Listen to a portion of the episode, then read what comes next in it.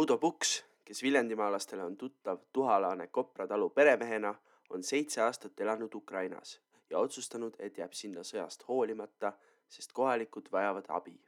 Sakala on temaga olnud seni igapäevases suhtluses, et kohaliku eluolu kohta küsida.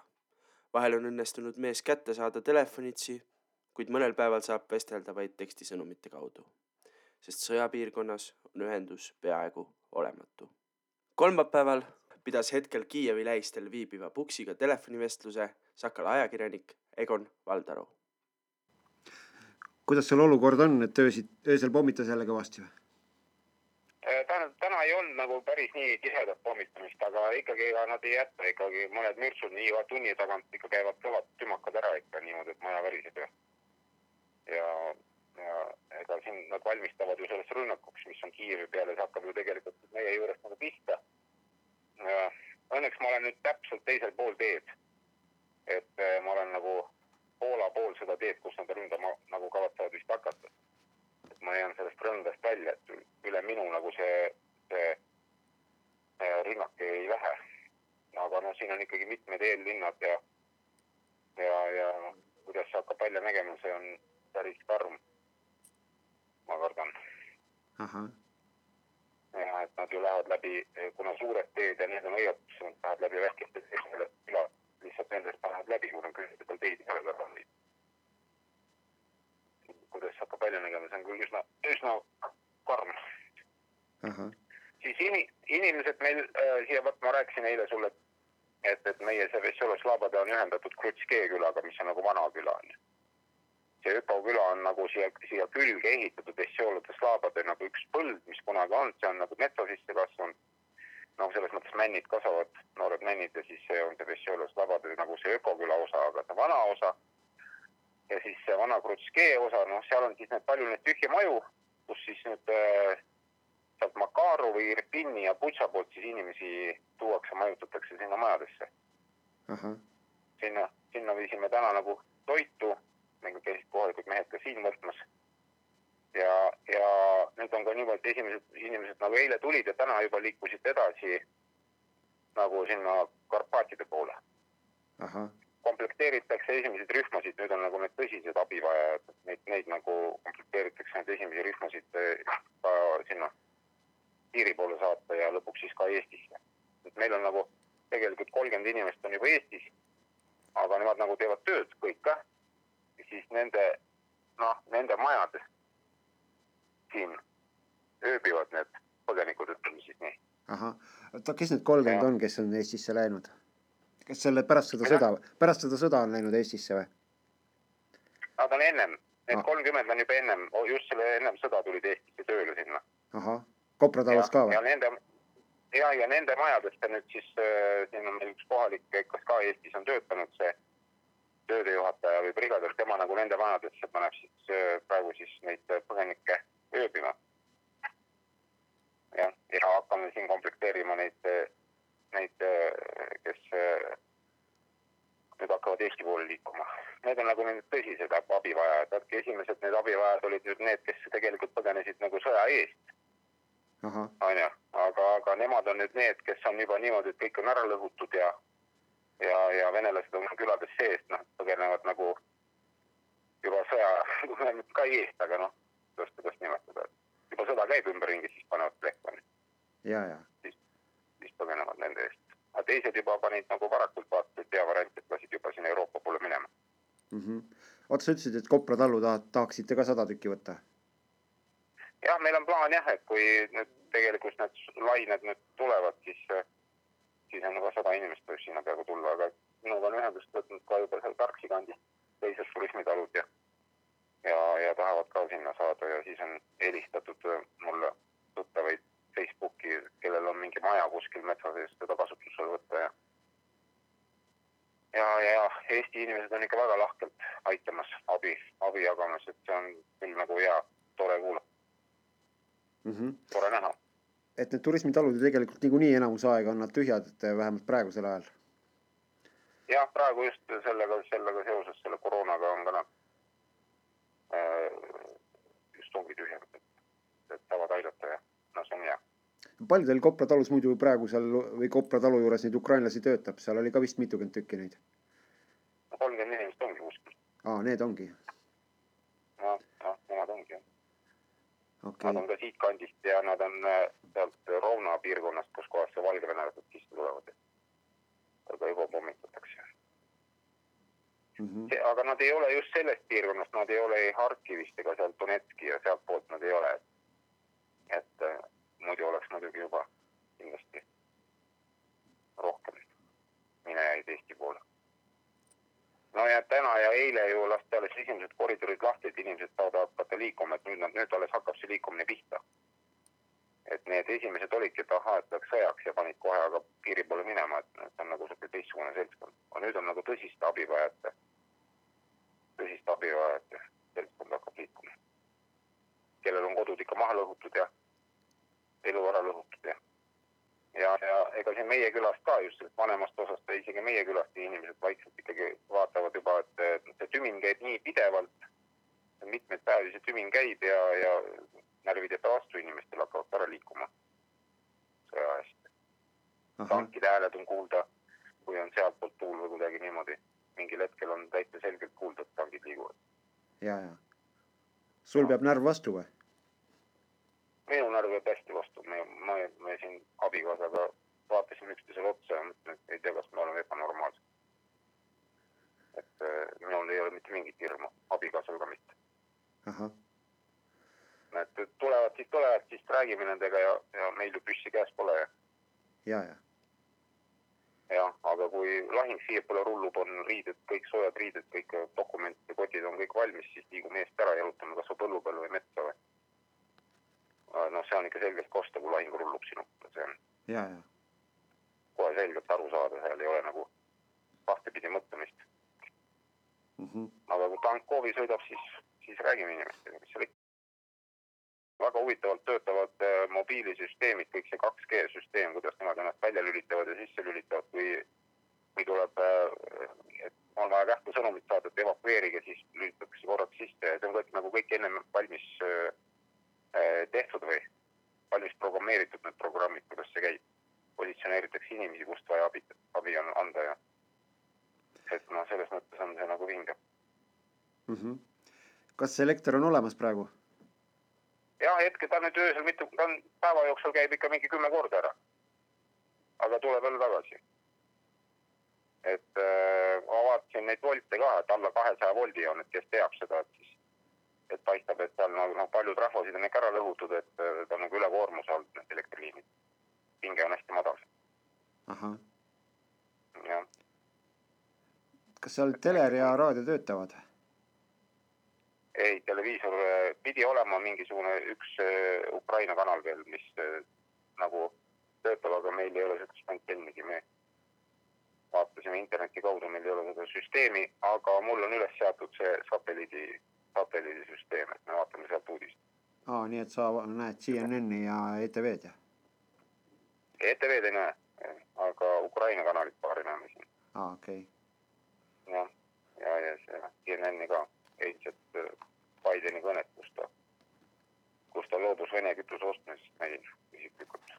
ahah aga noh, tegemist on palju ja ei saa ka sealt televiisori tagant proovida ikka kuidagi nagu uudiste ajaks saada, et mis, mis seis on, et kus, kuspoolt need rünnakud tulevad ja ja, ja, ja muidugi, mis on ikka palju, vot siin ongi see, et äh, nüüd ma noh, hästi palju ma saan aidata sellega, et ma nagu rahustan inimesi. ja, ja viimastel päevadel eriti on see, et, et tulevad minu juurde nagu isegi pärast koosolekut tulevad veel minuga rääkima. õhtul, et sinuga on hea rääkida, et sa oled rahulik et kui sina siin oled, et järelikult meil läheb hästi muidu sa oleks ära läinud ütlevad niimoodi no.. kuule, sa oled siis seal külas samasugune mees nagu Ukrainas Zelenskõi või? ei no Zelenskõi on ikka, Zelenskõi on mees, kellega tahaks küll kunagi kätt suruda, tema on ikka tõeline kangelane, tuleb öelda. sellest asjast niimoodi, niimoodi üle on, nagu ta praegu, mida ta kõik teinud on ja kuidas ta on rahvast ikka tema järgi liigub, kuidas mehed äh, Äh, rääkisid kunagi siin, et oi, et Zelenski on nii väsinud, et me laseme tal puhata, et me ei, me ei kiusa teda, et las, las mees puhkab, et ta on nii ületöötanud. hoitakse ja siis järgmine moment on ta jälle seal kuskil Facebookis kõnnib Kiievi linna vahel, ütleb, et ma olen siin, et ärge arvake, et ma kuskile olen ära läinud ja ja teda hoitakse, teda armastatakse, teda hoitakse. see on niisugune tõeline kangelane, kellel tahaks kunagi kätt suruda või elus sihuke võimalus tekkida. Nii et tema hoiab põhimõtteliselt ka külaelanike seda usku ja lootust üleval. tema hoiab jah, sellepärast et tema, tema järgi joondutakse. ega see oli ka vist põhjus, miks see, kuidas venelased temast kiiresti tahtsid lahti saada, aga ei õnnestunud õnneks mm. -hmm. kuule, mis sa täna lõunasöögiks sõid? täna lõunasöök oli hapukapsas kartulitega. siin on see täitsa rahvustoit selline ja, ja paar viilu seapekki. ahah, kuidas sul raamatu lugemine läheb? no eile sai jälle lugetud, kuna tümin käis, magada ei saanud, sai eile lugetud pikalt, et kui keegi tahab seda Ameerika snaiperi raamatut tasub lugeda, siis on näha, millist trenni teevad Ameerika sõdurid ja miks nad niimoodi vastu peavad erinevates kriisipiirkondades. see on väga huvitav, huvitav lugemine. vaikselt saab lugeda, siis palju magama jääda, siis tuleb magada, nii palju kui võimalik on, tuleb magada. kas see tähendab, et öö on ikkagi suhteliselt rahutu, et, et kaheksat tundi täis ei tule? ei, kaheksat kindlasti ei tule jah, rahutu on ta selles mõttes, et noh, ikka, ikka mingil, mingi noh, mingisugune mürin ikka käib üle. seal tunni tagant või kahe tunni tagant käib ikka niimoodi, klaasik virisevad, siis ikka äratab üles nagu. ahah nii et öö jooksul, öö jooksul ikka mitmed korrad ärkad? Nojah, kui see niisama pauk käib, see nagu ei häirigi enam, aga kui maja värisema hakkab, siis nagu vajab ülesse. koera haukumist enam ei kuulegi, jah? koer on voodi kõrval magab. tema, kui pauk käib, siis tema vaatab kohe mulle otsa, mis toimub, kas kõik on korras. peremees rahulik on, siis on koer ka rahulik. ahah. kass tuleb kah rinna peale magama öösel. samamoodi no sul on neid ju kolm tükki. nojah, mul on oma lemmikkass, tema tuleb kohale. ahah, naise lemmikkass on siis tema rinna peal, jah ei, ta, ta käib jalgade peal magamas, kus ta käibki nagu. mis siin meil, noh, päevaga ei ole, siin eile õhtul sai trenni tehtud veel hilja. siis? pinget maandada, et, et hästi pinget maha maandada, et ega see on, ega noh, tegelikult olukord on sihuke ikka ju väga keeruline aga noh, sai, mul, mul tuli, eile mõtlesin, et tuli meelde, et meie endine president pidi teeb trenni ilma muusikata, mul kohe muusikat ei ole, aga ma olen veel sammu edasi astunud, et mul tuli ka ei põle küünla valges see on trennides, no pimendus on. ja, ja, ja. Äh, ja, ja see on, öösel on meil see komandandi tund, kella kaheksast saadik ei tohi mitte ükski tuli põleda. ja mul saunamajas ei ole aken kinni hoitud pean kinni ära lööma, siis ma võin selle pildi ka saata. okei okay., kui sa saad, siis oleks tore. Kas sul toiduvaru on olemas juhuks, kui poest ei saa? ja meil on poolteist, eh, poolteist kuu varu praktiliselt on siin kõigil nüüd majades olemas, et nüüd esimese nädalaga sai ikka varud küll kartulid ja ja, ja siuksed noh, kartul, nisu ja, ja sellised kapsas ja siuksed asjad on kõik olemas. suvakülmas on natuke liha ka ja ja elab, ma arvan, kuu-poolteist, kui üldse midagi enam saada ei ole.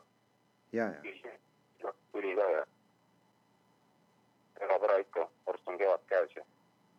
ahah. ja noh, inimesed ka ju, mis jagatakse palju asju piimaga ja piima ja seeni ja, ja, ja kes siin käivad, et on ikka noh, palju on saada, ei ole meie piirkonnas nagu selles suhtes ja, et seal, kus need inimesed ikkagi saavad veel olla ja kus lahing otse peale ei tule, seal ikkagi nagu midagi liigub, kuigi poed on tühjad on ju, inimesed ise lihtsalt farmid nagu need majandavad ja siis see proua rääkis ka eile õhtul oli, et need, need suured poed, mis on need ketid või marketid või siuksed, et need on kõik tühjad tegelikult. ja, ja siis äh, äh, just väiksed poed, mis on nagu talupoed, kus, keda on talud varustanud nendes poodides ja eile ta ostiski need kapsad ka nendest talupoodidest. kapsalõunad, need on kõik äh, väikestest poodidest saadud, suur, suur linnapood on kõik tühi mm. -hmm. Oota, sa ütlesid, et täna helistas üks. jah.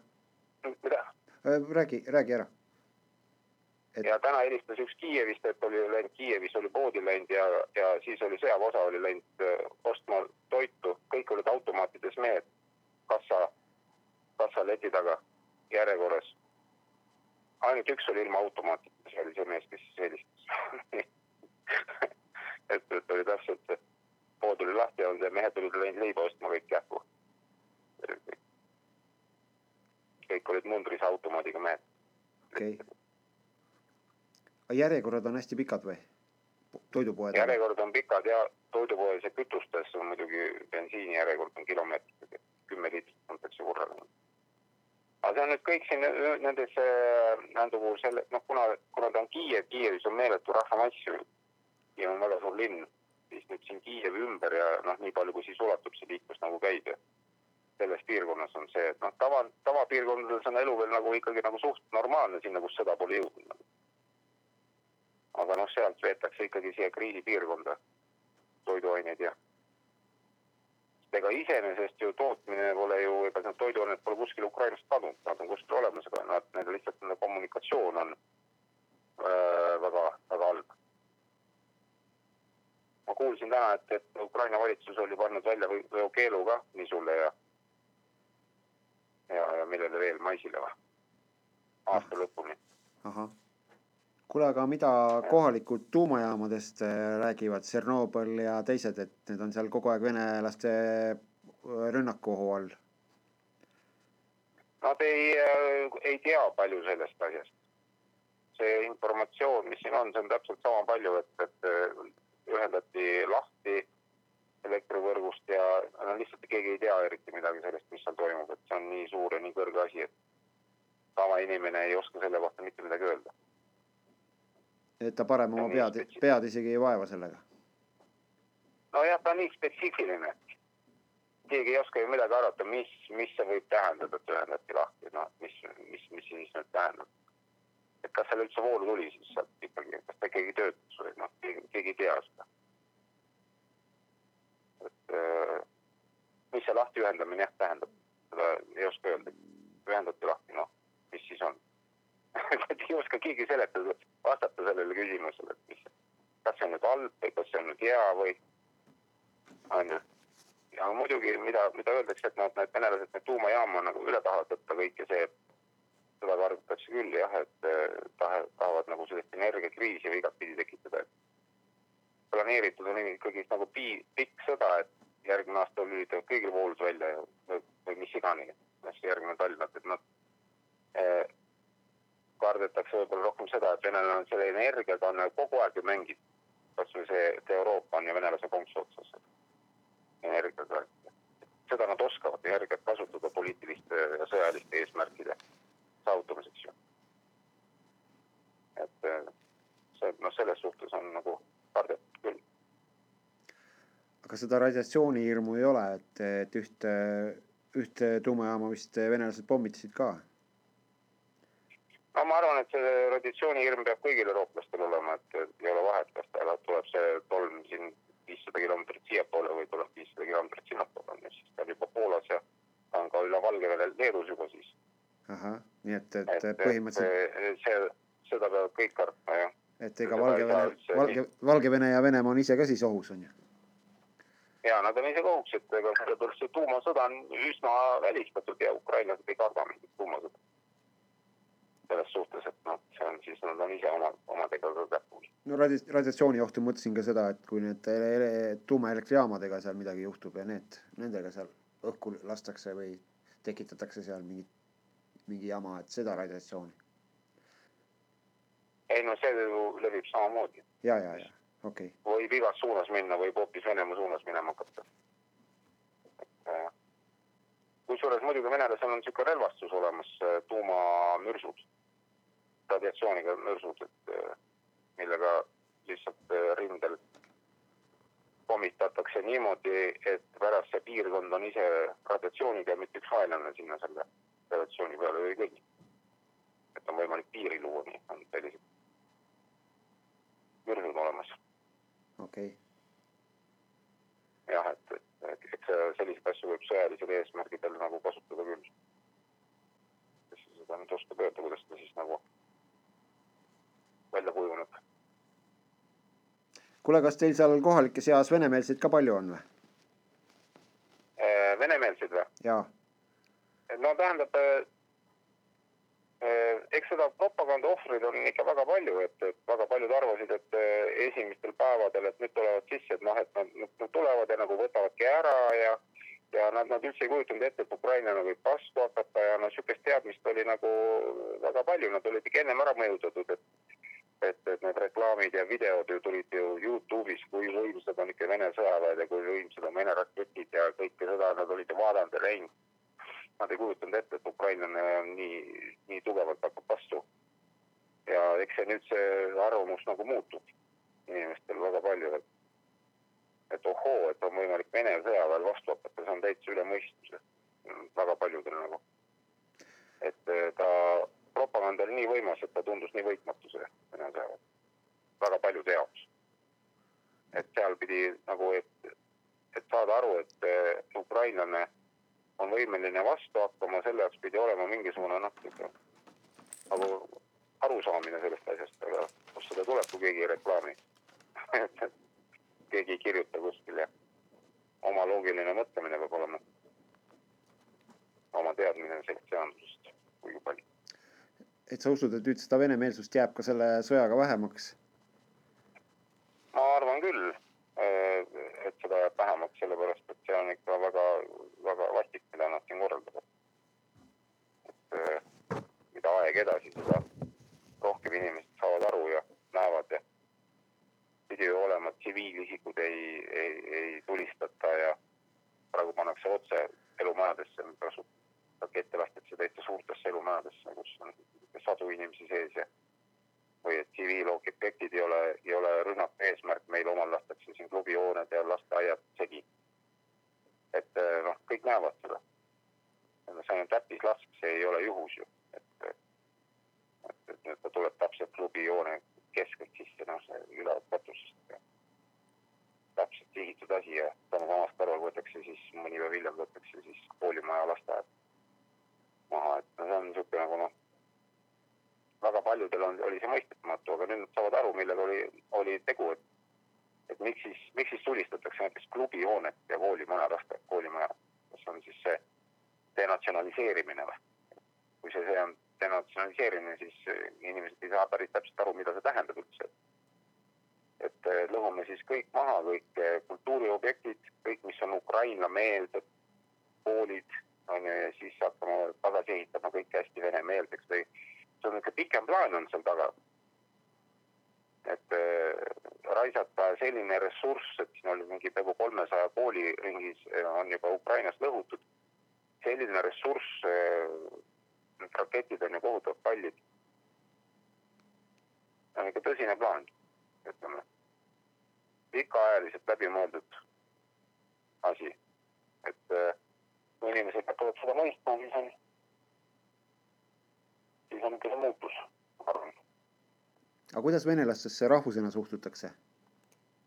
inimesesse ei suhtuta üldse halvasti. ma ei ole nagu näinud, et oleks mingisugune diskrimineerimine või kuskil olnud selle seitsme aasta jooksul, mis ma olen siin olnud. ma ei ole absoluutselt näinud sihukest asja. ma ennem nagu noh, pidevalt ma olen kuulnud, et Karpaatidest lihtsalt räägib ukraina keeles ja ta ei oska vene keelt ja siis ta räägib oma ukraina keeles, siis aru ei saa, see on sama süü. aga noh, see ei ole, ka seda ei saa võtta. venelane võib mõelda, et nad kõik on halvad, kes ei räägi vene keelt. ma ei, ma ei ole näinud seda niisugust asja, et oleks nagu venelaste, venelastesse halvasti suhtutud. või nagu president Zelenskigi ütleb, et, et pommitatakse täitsa maatasa summa linn, kus on tegelikult põllumajandusülikool, mis ei ole kunagi olnud mitte mingisugust ohtu ei ole tekitanud äh, äh, Venemaale. ja lastakse see linn täitsa naabivas maal, mis, mis Vene piiri lähedal arusaamatu põhjustus. hästi palju venelasi elab seal veel kas teil külas ka venelasi on?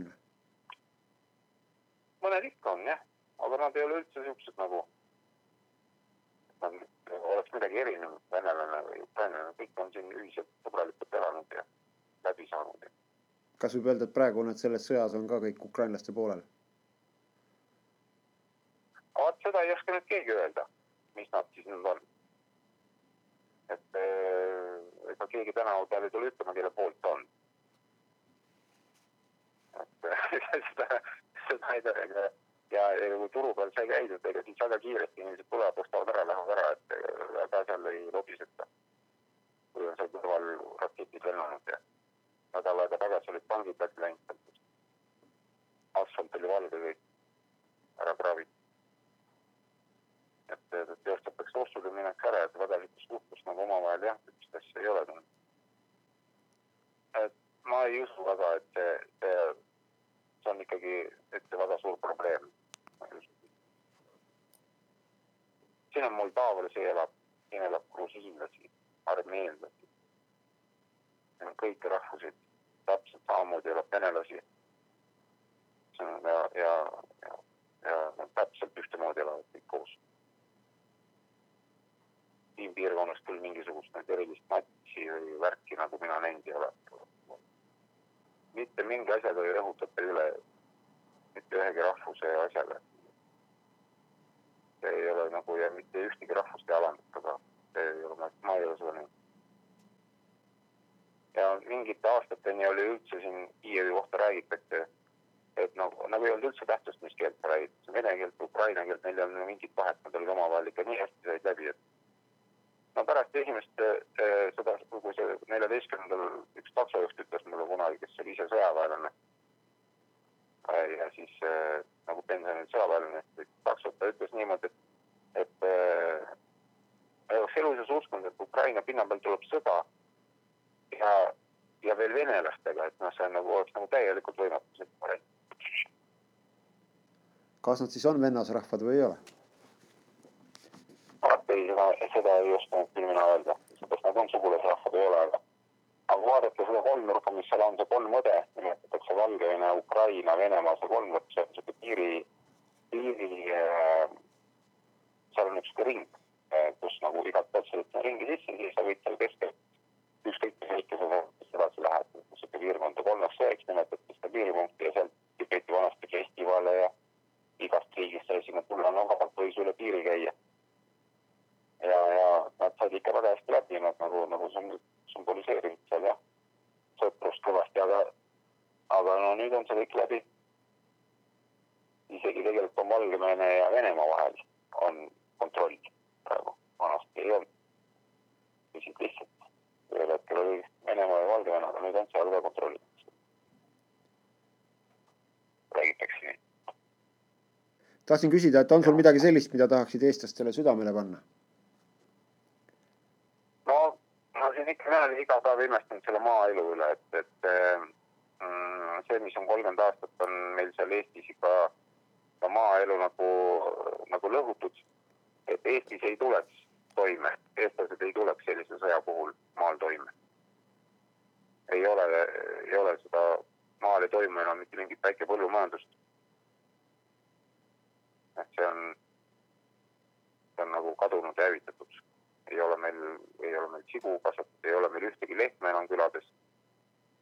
Äh, see on kõik kadunud ja kui tekib ikkagi mõni suur, ütleme, kas looduskatastroof või tekib mõni mm, noh, ütleme, et sõda ei teki, et oleme NATO-s, kui kõik nii usuvad sellesse. aga kasvõi sellesama viirusega, kus peaksid inimesed maale linnadest minema või mis iganes võib linnades juhtuda, siis eestlane ei saaks enam hakkama niimoodi. see on, sellest on mul küll väga kahju teine asi, see side, mis on nii oluline, millega me siin praegu hädas oleme, et noh, kõik siin nagu üritavad seda sidet luua, et on erinevaid internetivariante, aga ikkagi noh, väga aeglane on, et see on riigi poolt tagatud, see väga aeglane internet, 2G, aga et ei saa seda valguskaablit maapiirkondades mitte kuidagi maha. valguskaabel on see, mida niisama lihtsalt ei saaks lõhkuda, on ju, aga see peab ka, see peab pea nagu edasi mõeldud olema, see valguskaabli asi et mingitest punktidest on siis äh, satelliit internetti võimalik sinna sisse lasta, kui need keskused näiteks, kui Viljandis ikkagi see telefonijaama keskus õhku lastakse, siis on terve maakonna satelliit, äh, see internet kadunud, et, et see peab ka olema läbi mõeldud, kuidas, kuidas sellist asja nagu üleval hoida. ja, ja, ja mis veel edasi on see, et noh, et äh, kindlasti näiteks siin on jahimehed praegu need, kes hoiavad äh, piirkondi äh, valve all. öine valve igas külas, enne küla, pärast küla, jahipüssid seljas, mehed, kohalikud mehed on äh, see jahimeeste selline jah, valve on ikka väga oluline praegu siin. oma kohalikud mehed valvavad. et noh, õnneks meil jahimehi on, aga et noh, et selline, sellist nagu koostööd. kuule, aga. lõpused ja siuksed asjad on väga olulised, mis on, kuidas see asi hakkaks üldse Eestis välja nägema, see on ikka. ma arvan, et ei tuleks välja kuidagi Eestis asi. okei okay., et meil on sellest sõjast nagu ukrainlaste poolt palju õppida või sellest eh...? väga palju on õppida ja, ja see, miks seda kunagi Vene ajal see tsiviilkaitse ja, ja maaelu väga arendati, oligi kõik see, kui see linnaste pauk käib, on ju, kus need inimesed siis hakkavad olema. ja praegu see maaelu päästabki. ma arvan, et siin sadade tuhandete inimeste elu päästab ära. sest praegune hetk on see, et arstiabi ei ole üldse olemaski. see on, kui, kui ikkagi külmab, praegu on siin miinus kümme kraadi lubas homme sellised inimesed haigestuvad, kuskil äärmine stressirikas õhkkond ja nii edasi, see on ikka väga, väga keeruline. aga meil on nagu, maaelu on Eestis kujunenud nagu rohkem niisuguseks suvitamiseks, keegi ei kasvata midagi, koduloomi pole. et see nagu, no ta ei tuleks välja mitte mingi nipika varsti oleks inimesed, kujutage ette, et Eestis oleks maal inimesed näljas või näiteks noh, me võtame üldse praegu see, et, et Eesti seakasvatus ei suuda ennast ära toita et on seitsekümmend viis protsenti või isegi alla selle kukub juba. Ülejäänud imporditakse. et midagi on ikkagi väga valesti selles Eesti riigis. külaelu lagunemine ja see on tegelikult on ikkagi täielikult riigi alustala. noh, strateegiline asi iga asja vastu, olgu see siis, ma korrutan, et see looduskatastroof või, või sõda või, või mingisugune epideemia.